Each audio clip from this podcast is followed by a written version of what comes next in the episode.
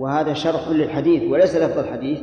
تسبح الله ثلاثة وثلاثين وتحمد الله ثلاثا وثلاثين وتكبر الله ثلاثا وثلاثين. فالجميع؟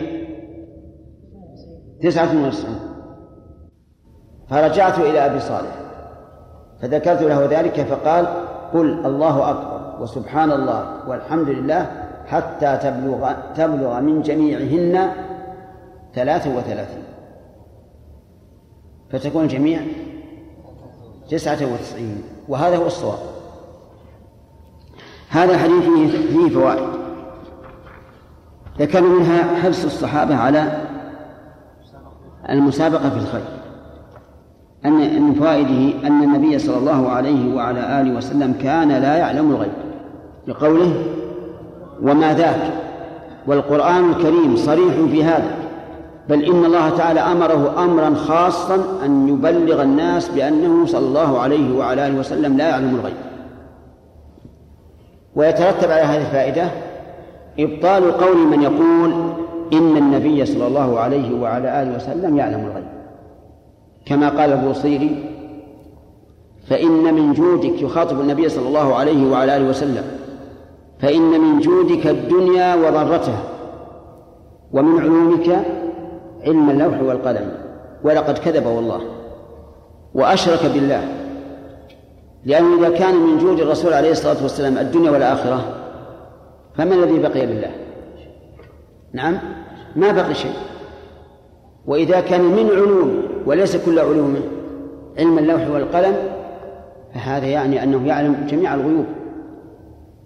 وهذا تكذيب واضح لقوله تعالى قل لا أقول لكم عندي خزائن الله ولا أعلم الغيب.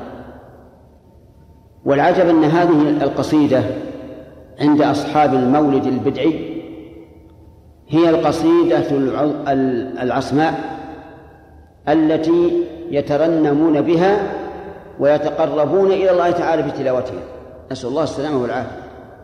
طيب من فوائد هذا الحديث أن النبي صلى الله عليه وعلى آله وسلم لا يتكلم على شيء إلا حيث يعلم ماذا حيث يعلم ماذا. فلا يتسرع في الحكم على الشيء. لقوله قال وما ذاك قال وما ذاك. ومن فوائد هذا الحديث التشويق التشويق للشيء قبل الحديث عنه. لقوله أفلا أعلمكم أفلا أعلمكم شيئا إلى آخره. والتشويق من أساليب اللغة العربية لأنه إذا شوق الإنسان يا حمد انفتح ذهنه وتشوف لما شوق إليه حتى يرد المشوق به على قلب مستعد لفهمه ووعيه. ومن ذلك قوله تعالى يا أيها الذين آمنوا هل أدلكم على تجارة تنجيكم من عذاب أليم؟ الاستفهام هنا ليش؟ للتشويق. يعني كل واحد إذا قال هذا هل أدلكم على تجارة تنجيكم من عذاب أليم؟ سوف يتشوق ويتطلع إلى هذه التجارة. فبينها الله عز وجل بقوله تؤمنون بالله. التشويق هنا في قوله تدركون به من سبقكم وتسبقون به من بعدكم. ومن فوائد هذا الحديث فضيلة هذا الذكر لأن النبي صلى الله عليه وسلم جعله سببا للسبق. ومن فوائد هذا الحديث إثبات تفاضل الناس فيما بينهم. لقوله ولا يكون أحد إيش؟ أفضل منكم. وهذا أمر لا شك فيه. حسا وفطرة وشرعا أما تفاضل الناس حسا فكل يعلم أن الناس يتفاضلون في القوة والنشاط والحزم والفهم والحفظ لا إشكال في هذا. وأما تفاضل الناس فطرة فلأن كل إنسان مفطور على أنه لا يستوي الرضيع الذي في المهد مع الشاب الجلد. ولو قلت لأحد أيما أقوى هذا الرضيع أو هذا الشاب الجلد؟ ماذا يقول؟ لا هو هو الشاب والجلد لكن سيقول هذا الاستفهام يدل على غباوة الرجل أو جنونه لأنه مخالف للفطرة. أما الشرع فواضح. قال الله تبارك وتعالى الرجال قوامون على النساء بإيش؟ بما فضل الله بعضهم على بعض. وقال الله تعالى تلك الرسل فضلنا بعضهم على بعض. والنصوص في هذا كثيرة. إذن التفاضل بين بني آدم أمر معلوم بالحس والفطرة والشر.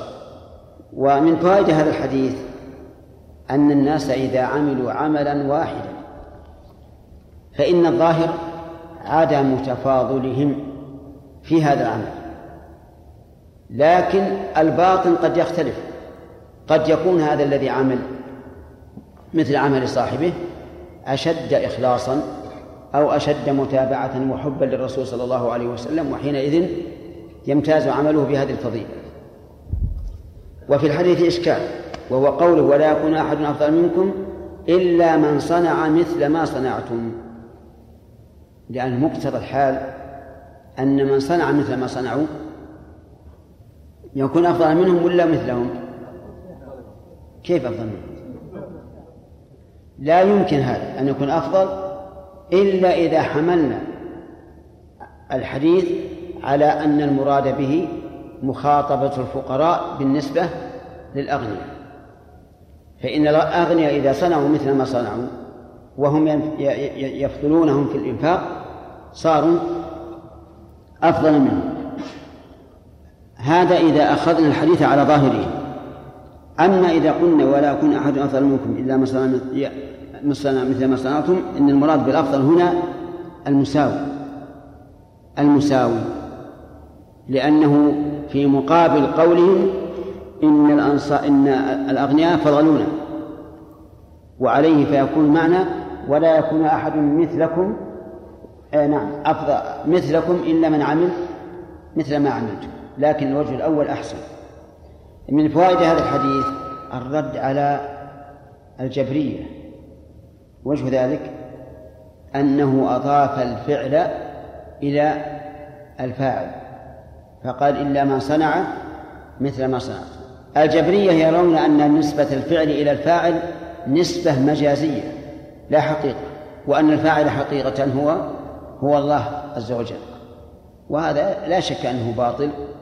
وإن كان في القرآن ما يشبه أن يكون حقا يعني أن يكون قولهم هذا حقا لكن هذا من حكمة الله عز وجل في أنه جعل في القرآن شيئا إيش؟ متشابها. حتى يعلم الراسخ في العلم من الذي في قلبه زيغ. ومن فوائد هذا الحديث فضيلة هذا الذكر خلف الصلوات. وهو سبحان الله والحمد لله والله أكبر. وإن شئت تقول سبحان الله والله أكبر والحمد لله. الخلف في هذا سهل. ولم يأتي في هذا الحديث ما تكمل به المئة. لكنه جاء في حديث آخر وهو أن يقول لا إله إلا الله وحده لا شريك له له الملك وله الحمد وهو على كل شيء قدير وبذلك تتم تتم مئة. واعلم أن هذا الذكر ورد على أربعة أوجه. الوجه الأول هكذا. سبحان الله والحمد لله والله أكبر. ثلاثة وثلاثين. وتختم بكلمة التوحيد. لا إله إلا الله وحده لا شريك له له الملك وله الحمد وهو على كل شيء قدير. الثاني أن تسبح الله ثلاثا وثلاثين وحدها.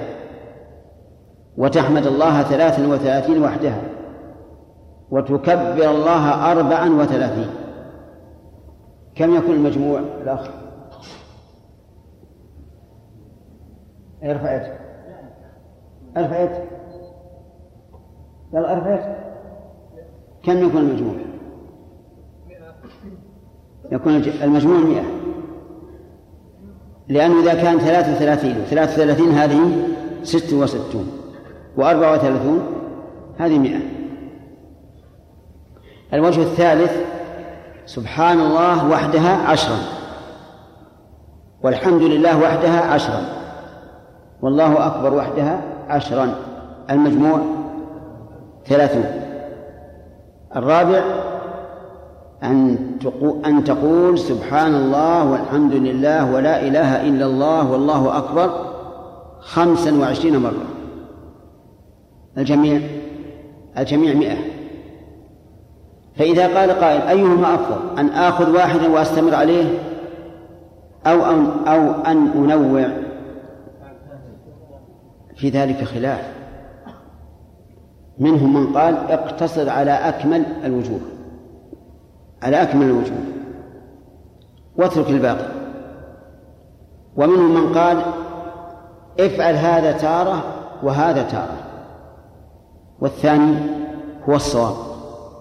أنك تأخذ تعمل بهذا تارة وبهذا تارة لأنك إذا عملت بالسنة على وجوهها استفدت فوائد يا أخوان. الفائدة الأولى تحقيق اتباع السنة. لأن السنة وردت على هذا وهذا. فإذا أتيت مرة بهذا ومرة بهذا اتبعت السنة. الثاني أن لا تنسى السنة الثانية يعني حفظ السنة الثانية. لأنك إذا هجرت السنة الثانية واقتصرت على واحدة إيش؟ تنسى الثانية. تنساها. الفائدة الثالثة إحضار القلب. إحضار القلب. لأنك إذا نوعت فسوف تحضر قلبك للعمل بالنوع الثاني. أما إذا استمررت على واحد صرت كالآلة الميكانيكية. ولذلك إذا استمرت على شيء واحد وذكرت يوم تدري أنك منتصف به من غير أن تشعر بابتدائه. لأنه أصبح جاريا على أصبح جاريا على لسانك وكأنك آلة أديرت فتحركت على الحركة الأولى. فالفوائد إذن ثلاث. ولذلك ينبغي الإنسان إذا وردت السنة على وجوه متنوعة أن يقول هذه مرة وهذه مرة. وأبرز مثال لذلك هو هذه الأذكار اللي بعد الصلاة وذكر في أول الصلاة. ما هو؟ دعاء الاستفتاح. دعاء الاستفتاح فيه ثلاث سنن أو أربع. سبحانك اللهم وبحمدك وتبارك اسمك. اللهم باعد بيني وبين وبين خطاياي. اللهم رب جبرائيل وميكائيل وأسرافيل. لكن هذا في في صلاة الليل. فصارت هذه المسألة. هل هل الأفضل أن تقتصر على صيغة واحدة مما ورد على وجوه متنوعة؟ أو الأفضل أن تفعل جميع الصيغ الثاني هو الأفضل. وذكرنا لكم وجوه وجوه هذا التفضيل. الوجه الأول يا نجيب هناك خلاف يا شيخ.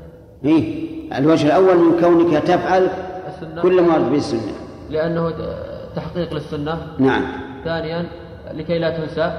نعم. السنة. ثالثا إحضار القلب. نعم. صحيح هذه فوائد. آه، تحقيق العمل بالسنة لأن السنة وردت بهذا وهذا. فإذا اقتصرت على وجه واحد تركت الباقي.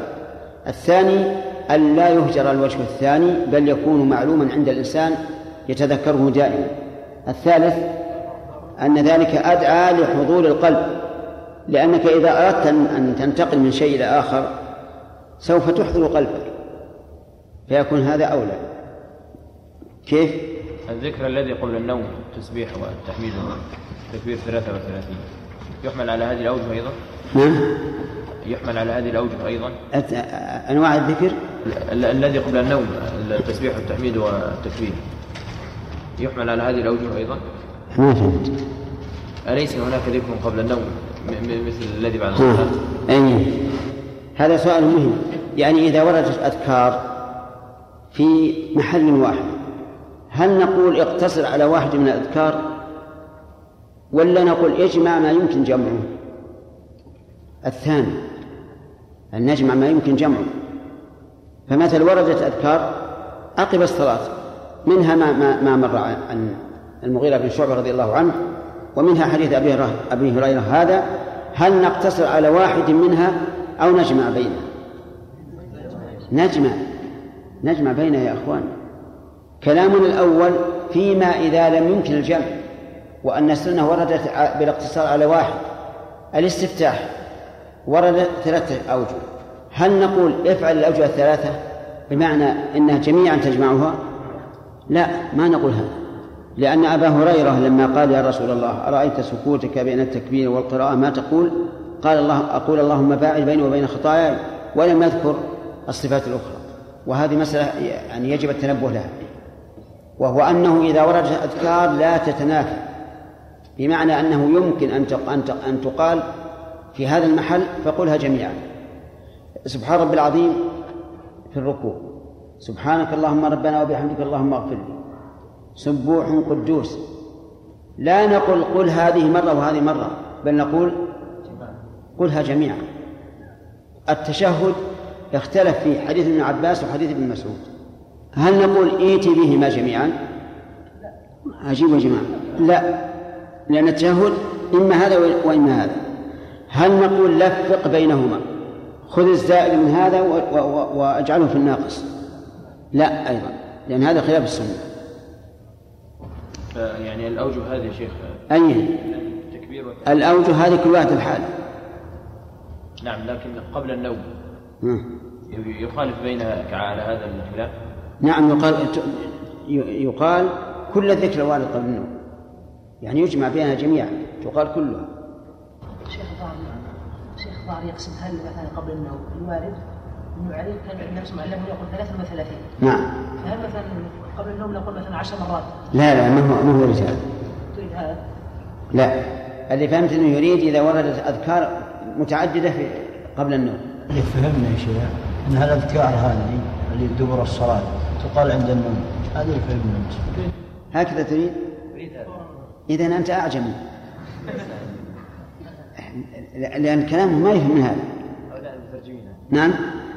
هم هم عجم أيضا. على كل حال إن كنت تريد أن أن الأذكار التي علمها الرسول عليه الصلاة والسلام علي وفاطمة أنه يقال بدل هذا الذكر غلط. هذه وردت بخصوصها تبقى على ما هي عليه. ولم يرد أن النبي صلى الله عليه وعلى آله وسلم يسبح عند النوم سوى ذلك. لكن قصدي إذا ورد الأذكار قبل النوم. كان النبي صلى الله عليه وعلى آله وسلم إذا أراد أن ينام قال كذا وكذا. وجاء حديث آخر كان يقول كذا وكذا غير الأول. هل نقول اقتصر على واحد أو اجمع بينه؟ هنا نقول اجمع بينه. نعم. نلاحظ بعض انواع الذكرى يعني ألفاظها أقل من بعض الانواع فشيخ هل مثلا معلوم ان إذا كثرت الألفاظ الأجر أكثر. هل نقول مثلا حتى ولو أتيت بالأقل الفاظ تدرك الأجر بالنية. نعم إحياء السنة أفضل من من العدد. إحياء السنة أفضل من العدد. وليس كل ما كلما كثر فهو أفضل. ما هو صحيح هذا. كلما كان أتبع للسنة فهو أفضل. أرأيتم الآن؟ لو أن أحدا من الناس قال أريد أن أن أطيل في سنة الفجر. في قراءتها وركوعها وسجودها وقعودها وقيامها. وآخر يقول أخففها مقتصرا على ما ورد. أيهما أفضل؟ الثاني. ولهذا نقول اتباع السنة أفضل من غيره ولو كثر. وانظر إلى قوله تعالى هو الذي خلق الموت والحياة ليبلوكم أيكم أحسن عملا ولم يقل أكثر عملا. هذه قاعدة انتبهوا لها. أن اتباع السنة أفضل من كثرة العمل. ولهذا نقول الذين يقومون الليل كله أو الذين يقومون بعض الليل أيهم أفضل؟ الثاني أفضل. لأن لأنه أتبع للسنة. شيخ قوله دبر كل صلاة نعم. لو كان بين الأذكار والصلاة فاصل. نعم. فهل تقال بعد هذا الفاصل أو لا؟ مثل مثلا يصلي ركعتين. بعد ما ينتهي يصلي الراتب. هو لابد أن لا يفصل بينهما صلاة. لكن إذا فصل بينهما كلام ليس بصلاة سيأتينا إن شاء الله في حديث عائشة في قصة الإنبجانية أن الرسول صلى الله عليه وسلم تكلم من حين ما سلم ويأتي البحث فيه إن شاء الله. انتهى الوقت. من قال هنا إيه أفراد بعدها؟ حديث عائشة. عن عائشة رضي الله عنها أن النبي صلى الله عليه وسلم في صلى في خميصة لها أعلام فنظر إلى أعلامها نظرة فلما انصرف قال اذهبوا بخميصتي هذه إلى أبي جهم وأتوني بأنبجالية أبي جهم فإنها ألهتني آنفا عن صلاتي. الخميصة كساء مربع له أعلام والأنبجانية كساء غليظ. بسم الله الرحمن الرحيم. الحمد لله رب العالمين وصلى الله وسلم على نبينا محمد وعلى آله وأصحابه ومن تبعهم بإحسان إلى يوم الدين. أخذنا شيء من الفوائد؟ من فوائد من فوائد هذا الحديث تنافس الصحابة رضي الله عنهم في فعل الخير. وجه ذلك أن أن الفقراء لما فعل الأغنياء ما, ما أرشدهم إليه النبي صلى الله عليه وعلى آله وسلم رجعوا إلى الرسول صلى الله عليه وسلم يسألون آه، مرتبة أخرى. ولكن النبي صلى الله عليه وسلم حسم ذلك بقوله ذلك فضل الله يؤتيه من يشاء. فإن قال قائل أليس العاجز عن العمل الصالح يثاب ثواب الفاعل؟ فالجواب نعم يثاب ثواب الفاعل لكن بأصل النية لا بالعمل. وذلك فيما جاء به الحديث أن رجلا كان عنده مال وكان يصرفه فيما يرضي الله عز وجل. فقال رجل, رجل آخر ليس عنده مال لو أن عندي مال فلان لعملت فيه عمل فلان عبد الرحمن بن جمعة. قال النبي صلى الله عليه وسلم فهو بنيته فهما في الأجر سواء. فهنا قال النبي صلى الله عليه وسلم هم هما في الأجر سواء. مع أن الفقير لم يعمل ولكنه تمنى.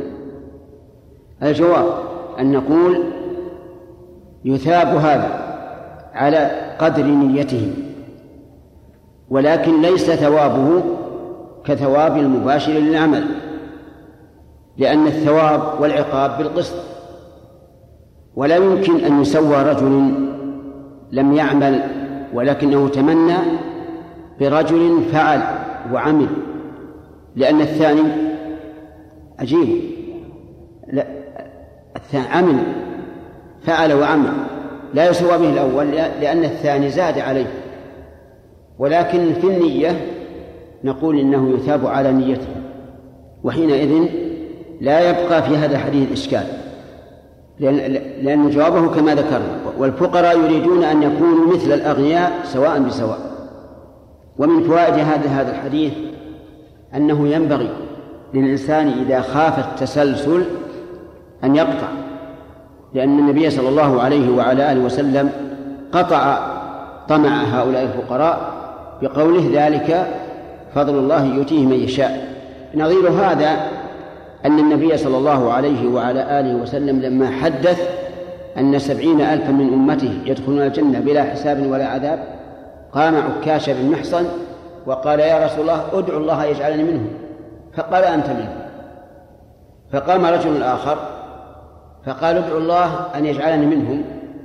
فقال له سبقك بها عكاشا. من أجل أن يقطع التسلسل. وربما يقوم من لا يستحق هذا.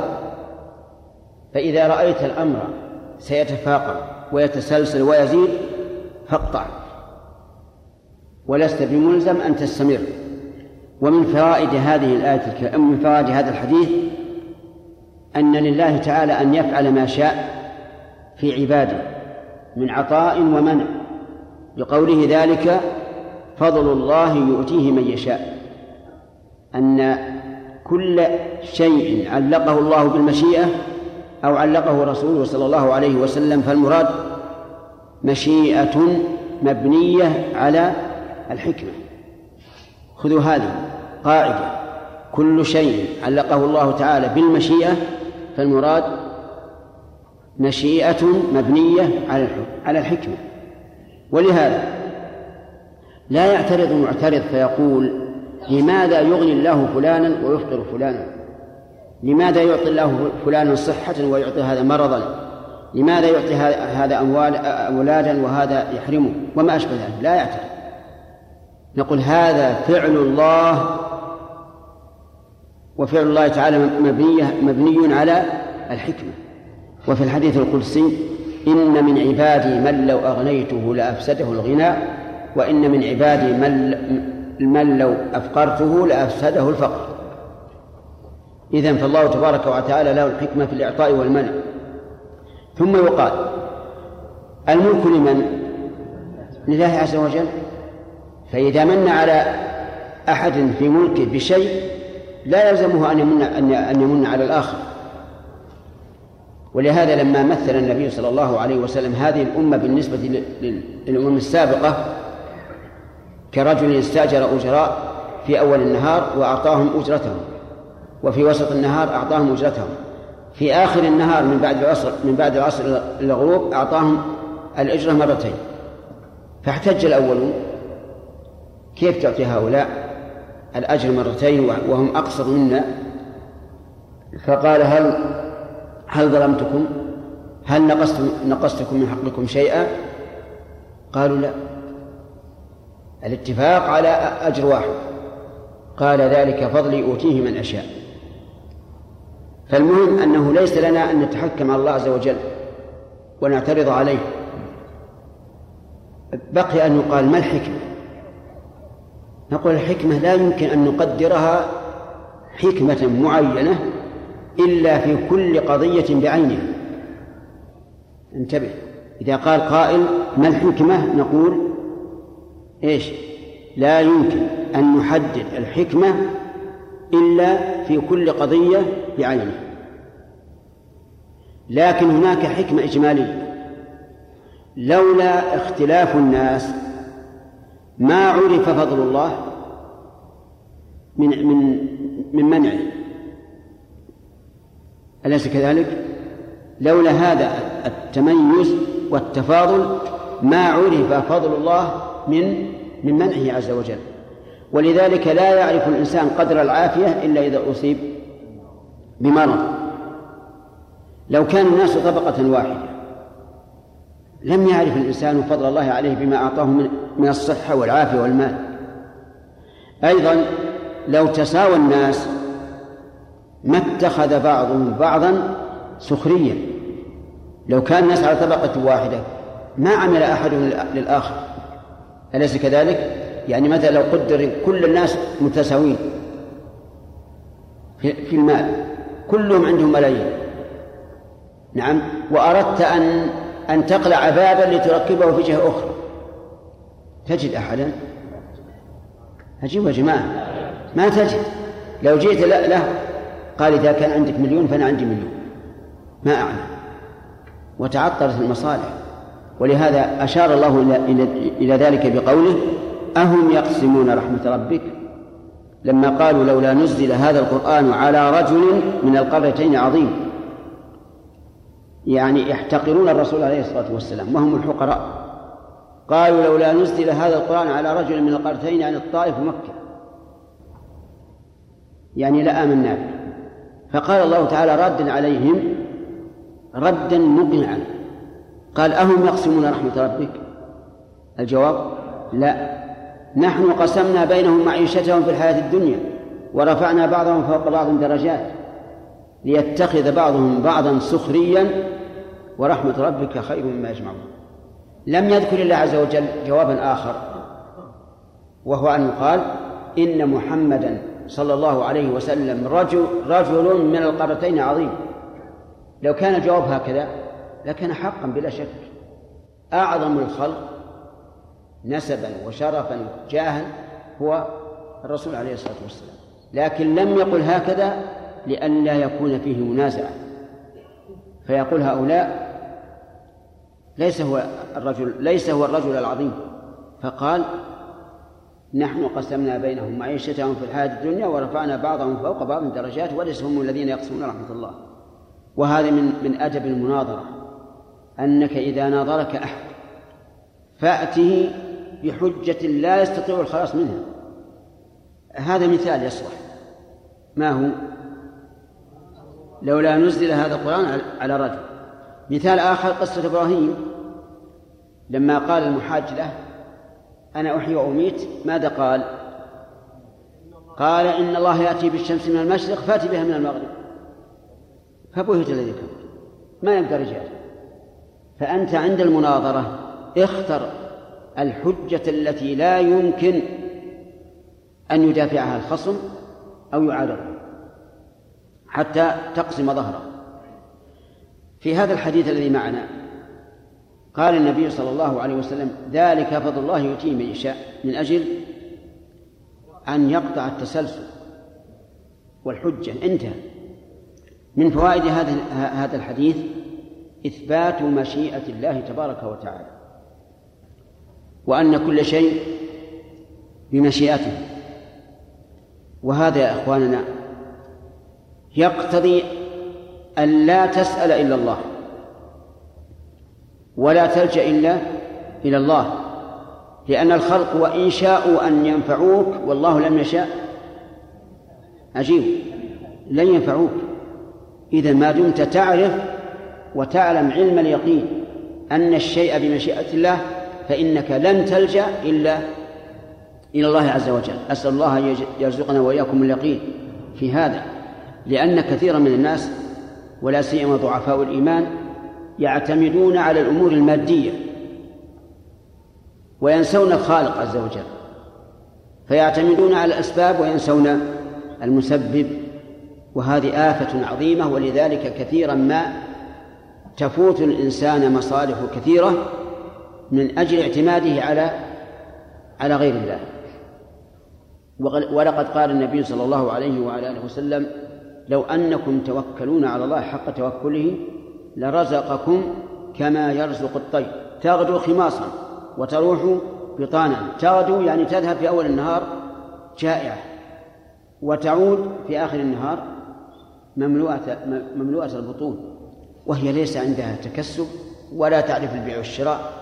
لكنه هذا الطائر يطير معتمدا على الله عز وجل والطائر يعرف ربه فيذهب يغدو في أول النهار أخمص جائعا وفي آخر النهار يعود ملآن البطن. أنا فاهم تندمج هذه بهذا طيب يقول فقال ذلك فضل الله يؤتيه من يشاء. من فوائد هذا هذا الحديث أن أن الكبراء والعلماء قد يتوهمون في مدلول النص فيفهمونه على على غير وجهه. وذلك فيما ذكر صمي عن نفسه. ولا تعجب فإن الله تعالى يقول في القرآن الكريم ولو كان من عند غير الله لوجدوا فيه اختلافا كثيرا. وأكثر ما يكون الخلاف في الفهم الخاطئ أو القياس الفاسد. يعني أكثر ما يكون الخطأ إما في الفهم الخاطئ وإما في القياس الفاسد هكذا قال الإمام أحمد رحمه الله أو معناه. وصدق أكثر ما تجد الخطأ في فهم النصوص على غير المراد أو في قياس فاسد. لا لا تتم فيه أركان القياس. ومن فوائد هذا الحديث التصريح للإنسان بما هو متصف به لقول لقولهم وهمت. فلا حرج أن تقول للإنسان إذا وهم في فهم الحديث أو الآية أن تقول وهمت. ولكن إذا خشيت من هذا ضررا بحيث يستنكر ويغار لنفسه ولا يقبل الحق فعبر بعبارة ثانية. تكون ألين من هذا. انظر إلى قول إبراهيم عليه السلام لأبيه حين قال يا أبت إني قد جاءني من العلم ما لم يأتك. ولم يقل يا أبت إنك جاهل. ولم يقل يا أبت إنك أقل مني علما. قال قد جاءني من العلم ما لم يأتك. وهذا صحيح أو غير صحيح؟ صحيح. ويلزم منها أن يكون أبوه أنقص منه علما لكن الأسلوب له تأثير. ذكر بعض الأدباء أو الذين ينقلون ما ما يحدث أن أحد الأمراء الخلفاء أن أحد الخلفاء رأى في المنام أن أسنانه سقطت. أن أسنانه سقطت في المنام. فدعا بعابر يعبرها. قال له ما تقول؟ رأيت أسناني سقطت قال له تموت حاشيتك. تموت حاشيتك. عيالك وأهلك يموتون. غضب. أفزع قال يلا. اضربوه. اضربوا من؟ العابر. لأنه أفزعه. فضربوه ثم أخرجوه. قال هاتوا واحد ثاني. جاءوا بشخص آخر فقص عليه الرؤيا قال له ما تقول؟ قال أقول إن الخليفة يكون أطول أعما أطول أهله أعمارا أطول أهله عمرا. سر يعني غدا واستانس وقال أكرموا والمعنى؟ المعنى واحد لكن التعبير اختلف فالتعبير له تأثير. على النفس وعلى الانقياد وعلى الفهم. نستمر على الدرس لأنه نكمل إن شاء الله إلى الجامع أو أو ترون ناخذ الدرس الثاني؟ نستمر إن شاء الله. طيب. في هذا الحديث صفة واحدة من صفة التكبير وفيه تبين مجمل القرآن الكريم. تبين مجمل القرآن الكريم. قال الله عز وجل فإذا قضيتم الصلاة فاذكروا الله. اذكروا الله بأي بأي صفة؟ نعم. إيش؟ ما بينت. ما بينت فجاءت السنة فبينتها إذا نأخذ من هذا أن السنة تبين القرآن. وما نحن ببعيد عن العقيدة الواسطية حيث قال شيخ الإسلام ابن تيمية إن السنة تبين القرآن. وهذا أمثلته كثيرة. هذه الصيغة في التسبيح والتحميد والتكبير صيغة متفق عليها هل هناك صيغ أخرى؟ الجواب نعم هناك صيغة أن تسبح الله ثلاثا وثلاثين ثم تحمد الله ثلاثا وثلاثين ثم تكبر الله أربعا وثلاثين تختلف عن هذه الصيغة بإيش؟ بأنك تسرد التسبيح كاملا ثم التحميد كاملا وتزيد في التكبير واحدة لتكون ليكون المجموع مئة. طيب. في الصفة ثالثة أن تسبح الله وتحمد الله وتكبر الله وتهلل. سبحان الله والحمد لله ولا إله إلا الله والله أكبر. خمسا وعشرين مرة. تكون الجميع مئة.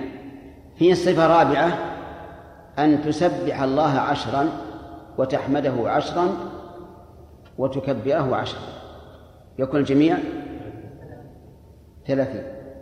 في صفة خامسة لكنها هي التي وهم فيها سمي.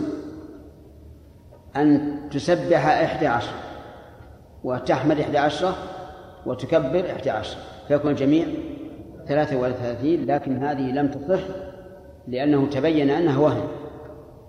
فالصفات إذن أربع. فما رأيكم؟ أيأتي بهن جميعا أم يقتصر على واحدة أم يخالف مرة هذا ومرة هذا؟ القول الصحيح الأخير الأخير أنه تارة يفعل هذا وتارة يفعل هذا. وما فائدة أن يأتي الإنسان بجميع الصفات؟ إبراهيم. أولا اتباع السنة؟ نعم. ثانيا أن تحفظ السنة الأخرى. نعم. والثالث أن يدفع السآمة والملل. إيش؟ يدفع السآمة والملل عن نفسه. يعني يستحضر قلبه عند أي نعم يستحضر. الس- الآن حفظ السنة والثاني اتباع السنة. حفظ السنة لأجل لأنك لو تستمر في واحد نسيت الباقي. الثاني إح- إيش؟ تحقيق المتابعة لأن النبي صلى الله عليه وسلم فعل هذا وهذا. والثالث حضور القلب لأن الإنسان لو استمر على طريقة واحدة صارت هذه الطريقة كأنها طبيعة. فتجده يقوم بها وقلبه غافل وهذا يقع كثيرا. كثيرا ما يريد الإنسان أن يقول قولا اعتاده فما يدري إلا وهو في أثناء دون نية لب- لبدئه لأنه اتخذه عادة وطبيعة لكن لو أنه حا... لو أنه أراد أن يجمع بين هذا وهذا صار قلبه أكثر حضورا. فانتبه لهذه النقطة. وهذه الطريقة التي قلت التي قلت إنها هي راجحة هي التي اختارها شيخ الإسلام ابن تيمية رحمه الله. فكل عبادة وردت على وجوه متنوعة فالأفضل إيش؟ أن يأتي بها على هذه الوجوه كلها وهل يقال مثل هذا في القراءات؟ في القرآن الكريم؟ الجواب نعم. يقال مثل هذا في القراءات. لكن القراءات يجب أن تتأكد لأنك لو قلت ظنا لقلت على الله ما لا تعلم. لكن إذا تأكدت أن هذه قراءة فاقرأ بهذه مرة وهذه مرة بشرط أن لا يكون ذلك عند العوام. انتبه لهذا الشرط يا رجل. بشرط أن لا يكون ذلك عند العوام. لأن العوام هوام. تعرفون الهوام؟ هوام الليل حشرات وحشرات يأكلنك وأنت ما دريت. لا تقرأ بقراءة تخرج عن ما في أيديهم عند العوام أبدا. لأن ذلك يؤدي إلى أحد أمرين فاسدين. إما أن يتهموك بأنك غلطت وأنك لم تحكم. وإما أن تقل هيبة الكتاب العزيز في نفوسهم. كل يوم واحد يجيب لنا شيء. كيف القرآن محترم. تقل هيبته في نفوسهم وهذا خطر عظيم. ولهذا نخطئ غاية التخطئة أولئك الإخوة أولئك الإخوة الذين يعرفون قراءات متعددة ثم يترنم بها أمام العامة أحيانا حتى في الصلاة. إذا قرأ بقراءة خارجة عما يعرفون ستنشغل قلوبهم وهم, وهم يصلون. وأنت يا أخي إذا كنت تريد السنة أن تأتي بالقراءات كلها لديك صلوات كثيرة ما فيها أحد. ما معك أحد. ولا لا؟ مثل إيه؟ ها؟ قيام الليل الرواتب الصلاة السرية. ثم هل نقول إذا قرأت بقراءة خارجة عن أحد القراء إلى القراء الآخرين هل يلزمك هذا في كل ما تقرأ؟ أو لك أن أن تقرأ بحرف واحد على قراءة فلان وبالباقي على قراءة قارئ آخر؟ قال بعضهم في الأول. قال إذا قرأت بقراءة قارئ استمر. ولا ولكن الصحيح خلاف ذلك. الصحيح أن لك أن تقرأ بقراءة واحد وبقية الصفحة مثلا تقرأها بقراءة الآخر لأن الكل الكل سنة. حتى القارئ المخالف لصاحبه يقر ما ما, قرأ به صاحبه. لا ينكره. وما دام الأمر كذلك وكله وارد فلا حرج. ناخذ الحديث الأخير. قال وعن عائشة رضي الله عنها أن النبي صلى الله عليه وسلم صلى في خميصة لها أعلام.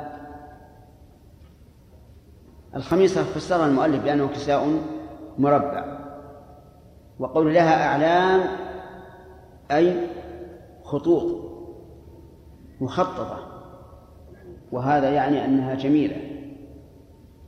لها أعلام فنظر إلى أعلامها نظرة وهو يصلي عليه الصلاة والسلام. نظر نظرة واحدة. طويلة أو قصيرة؟ الظاهر أنها قصيرة. نظرة كما نقول مثلا لحظة. نظرة واحدة. فلما انصرف من صلاته قال اذهبوا بخميصتي هذه إلى أبي جهل. اذهبوا بخميصتي. أضافها إلى نفسه لأنها ملك. وأشار إليها للتحقق. إلى أبي جهل. لماذا أمر أن يذهبوا بها إليه؟ لأنه أهداها للرسول صلى الله عليه وسلم. والنبي صلى الله عليه وسلم لما شغلته هذه هذه الخميصة أراد أن يخرجها من ملكه ويدعها. ومن أحق الناس بها؟ صاحبها. حق الناس بها صاحبها ولولا أن النبي صلى الله عليه وسلم له منزلة كبيرة في نفسه ما أهداها إليه. لأن الظاهر أنها خميصة غالية جميلة ولكنه قال وأتوني بأنبجانية أبي جهم. الأنبجانية يقول المؤلف أنها كساء غليظ. يعني يقول لأبي جهم خذ الخميصة وأعطنا الأنبجانية وإنما أمر بذلك لئلا ينكسر قلبه. فيقول كيف رد النبي صلى الله عليه وسلم هديتي فأراد صلى الله عليه وسلم أن يجبر قلبه بأن تطلب أنبجانيته فإنها ألهتني آنفا عن صلاتي. إنها الضمير يعود على الله المستعان. انتبهوا أليس أليس قيل إن الضمير واسم الإشارة يعود إلى أقرب مذكور؟ عجيب عجيب طيب قيل هذا. ما أقرب المذكور الإنبجانية. لكن السياق يأبى أن يعود الضمير إلى الإنبجانية لقوله إنها ألهتني آنفا عن صلاتي. فحينئذ نقول الضمير في إنها يعود إلى الخميصة لأن السياق السياق يعين هذا. ألهتني شغلتني وهي نظرة واحدة. عن آنفا أي قريبا عن صلاتي لأنه اشتغل بالنظر إليها. أفهمتم هذا؟ طيب. إذن قول النحويين إن الضمير واسم الإشارة. يعود إلى أقرب مذكور ما لم ما هو غالب؟ ما لم يمنع منه مانع. فإن منع منه مانع معنوي أو لفظي وجب أن يعود إلى ما يقتضيه هذا المانع.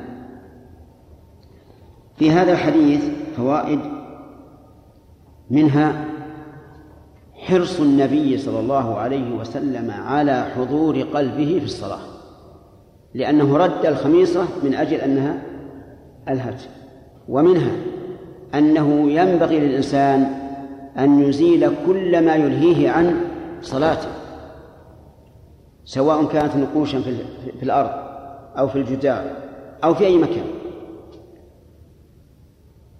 ويتفرع من هذه الفائدة أن لا يصلي الإنسان عند قوم يتحدثون. لماذا؟ يلهونه فلا تتح... تصلي عند قوم يتحدثون. طيب ماذا ماذا أفعل إذا كنت أريد أن أصلي وحولي من يتحدث؟ هل أقول اسكتوا؟ لا ليس لي حق اللهم إلا أن يكونوا في المسجد.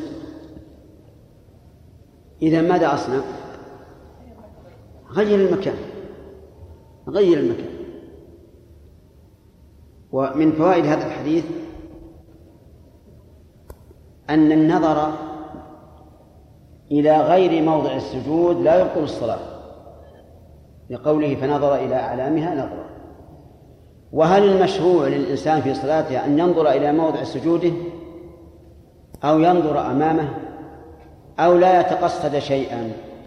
يطلق نظره لكن لا ينظر إلى ما يلهيه في هذا خلاف بين أهل العلم. منهم من قال وهم أكثر العلماء فيما أعلم إنه ينظر إلى موضع سجوده إلا في حال التشهد. فإنه ينظر إلى إلى السبابة لا سيما عند رفعها عند ذكر عند الدعاء. وقيل ينظر تلقاء وجهه إلا في الركوع فينظر إلى قدميه. أما كونه ينظر إلى قدميه في الركوع فلا أعلم له أصلا. وأما كونه ينظر تلقاء وجهه فلأن الصحابة رضي الله عنهم كانوا ينظرون إلى الرسول صلى الله عليه وسلم وهو يصلي. ودليل ذلك أنهم لما حدثوا أنه كان يقرأ في الصلاة. قيل لهم بما عرفتم ذلك قالوا باضطراب لحيته يعني حركته وهذا يدل على أنهم كانوا ينظرون إليه. وفي صلاة الكسوف لما حدثهم صلى الله عليه وسلم أنه رأى الجنة والنار قال وذلك حينما رأيتموني تقدمت أو قال تأخرت وهذا أيضا يدل على أنهم ينظرون إليه. ولما صنع له المنبر قام يصلي عليه. فجعل يصلي عليه ويركع وإذا أراد السجود نزل وسجد بالأرض وقال فعلت ذلك لتأتموا بي ولتعلموا صلاتي. وهذا يدل أيضا على أنهم ينظرون إليه. لكن قد ينازع منازع في هذا الاستدلال. فيقول إن نظر الصحابة للرسول صلى الله عليه وسلم له فائدة وهي التعلم. لأن النبي صلى الله عليه وسلم أسوة. فإطلاق القول بأنه ينظر إلى الإمام فيه نظر. يعني إطلاق يعني إطلاق القول بأنه ينظر إلى الإمام استدلالا بهذا الحديث فيه نظر. لأن الصحابة ينظرون إلى الرسول صلى الله عليه وعلى آله وسلم من أجل أن يتعلم. يمكن أن يقال أن أن يقال إذا كان الإمام عالما بالشريعة حريصا على تطبيقها فلا حرج أن ينظر المأموم إليه. انتبه. اشترطنا شرطين. أن يكون عالما بالشريعة والثاني حريصا على تطبيقها لأن من العلماء من نعلم أنهم يعلمون أن هذا مشروع لكن لا يفعلونه إما نسيانا أو تهاونا. ومن العلماء من نعلم أنهم حريصون على الخير لكنهم جهال. بمعنى أن أنهم ليسوا بذاك العلم الواسع والذي يظهر نعم في أيضا بعض العلماء يقول إذا كنت في المسجد الحرام وأمكنك مشاهدة الكعبة فانظر إلى الكعبة. فهذه أقوال العلماء التي تحضرني ولكن الذي يظهر أن ما كان أقرب إلى الخشوع فهو أولى. وأقرب ما يكون للخشوع أن ينظر إلى موضع السجود. هذا أقرب ما يكون. طيب فإذا قال قائل ألا ألا تستحبون أن يغمض الإنسان عينيه ولا يرى, يرى شيئا؟ فالجواب لا. لا نرى هذا. حتى لو كان أخشع له لا نراه. لأنه إذا أغمض عينيه لأنه أخشع تعبد بعبادة لم تشرع. أفهمتم؟ تعبد بعبادة لم تشرع بل نص العلماء على كراهة تغميض العين في الصلاة. والسؤال عن هذا كثير. يقول إنه إذا غمض أخشع له فنقول هذا من وحي الشيطان. لأنك أوقعت نفسك في إيش؟ في مكروه أو في بدعة أيضا أن تتقرب إلى الله بتغميض العينين. طيب لو قال قائل إذا كان الإنسان في حاجة إلى النظر فهل ينظر؟ الجواب نعم. لا بأس أن تنظر إلى غير موضع سجودك إذا دعت الحاجة إلى هذا. ولهذا لما أرسل النبي صلى الله عليه وسلم عينا للعدو جعل صلى الله عليه وسلم ينظر إلى ناحية الشعر لينظر هل, هل جاء أم لا. ومن الحاجة أن يكون عند الأم صبيها وتخشى عليه إذا دب أن يقع في ماء أو في نار فترقبه في عينه. أيجوز هذا أم لا؟ يجوز لأن هذا حاجة. فإذا دعت الحاجة إلى النظر إلى غير ما يسن النظر إليه فلا بأس أن ينظر الإنسان للحاجة طيب لو كان الإنسان يعني قد وعد شخصا الساعة الواحدة الساعة الواحدة وشرع في الصلاة ويده في ذراعه ونظر إليها هل جاءت الساعة الواحدة؟ ما تقولون؟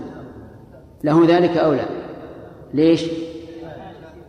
نعم إيه فقد الحاجة. هو قد يناظر الساعة وخطوطه. هذا ما يحتاج يا حمد. واضح. طيب إذا له أن ينظر لأن هذا حاجة.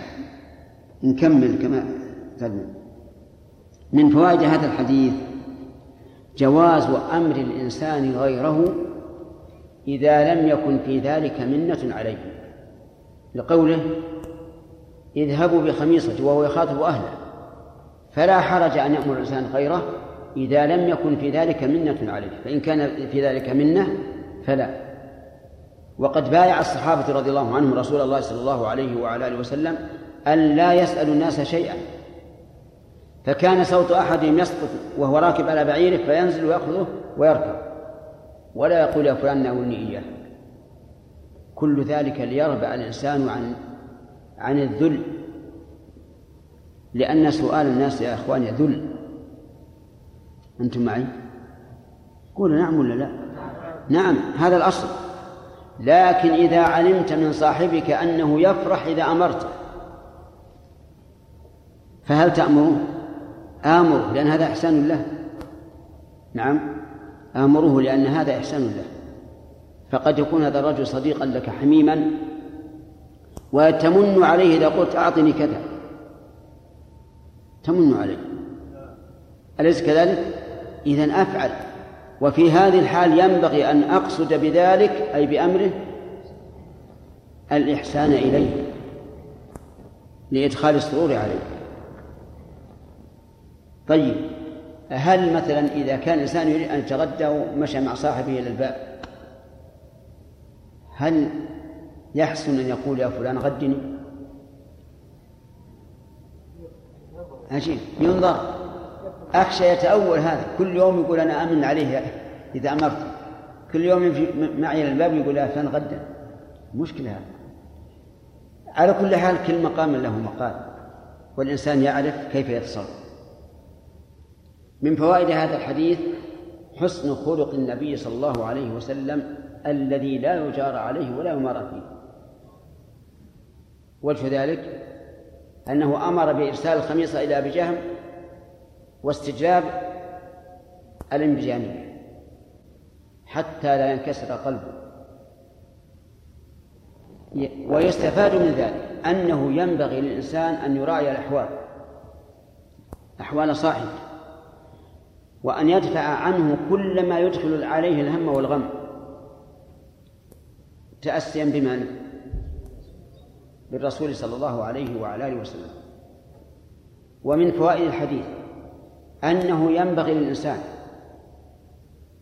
أن يبين السبب إذا كان السبب قد يخفى.